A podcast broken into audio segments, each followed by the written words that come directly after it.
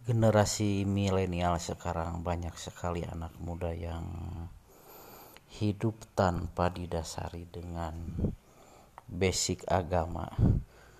Mereka terlahir dari keluarga yang orang tuanya sibuk bekerja dan seorang anak hanya dijejali dengan pikiran-pikiran ilmu-ilmu modern jauh dari pemikiran agama.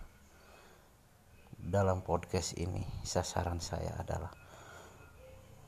mereka yang tidak mempunyai dasar-dasar agama tetapi ingin sekali mengetahui tentang agama.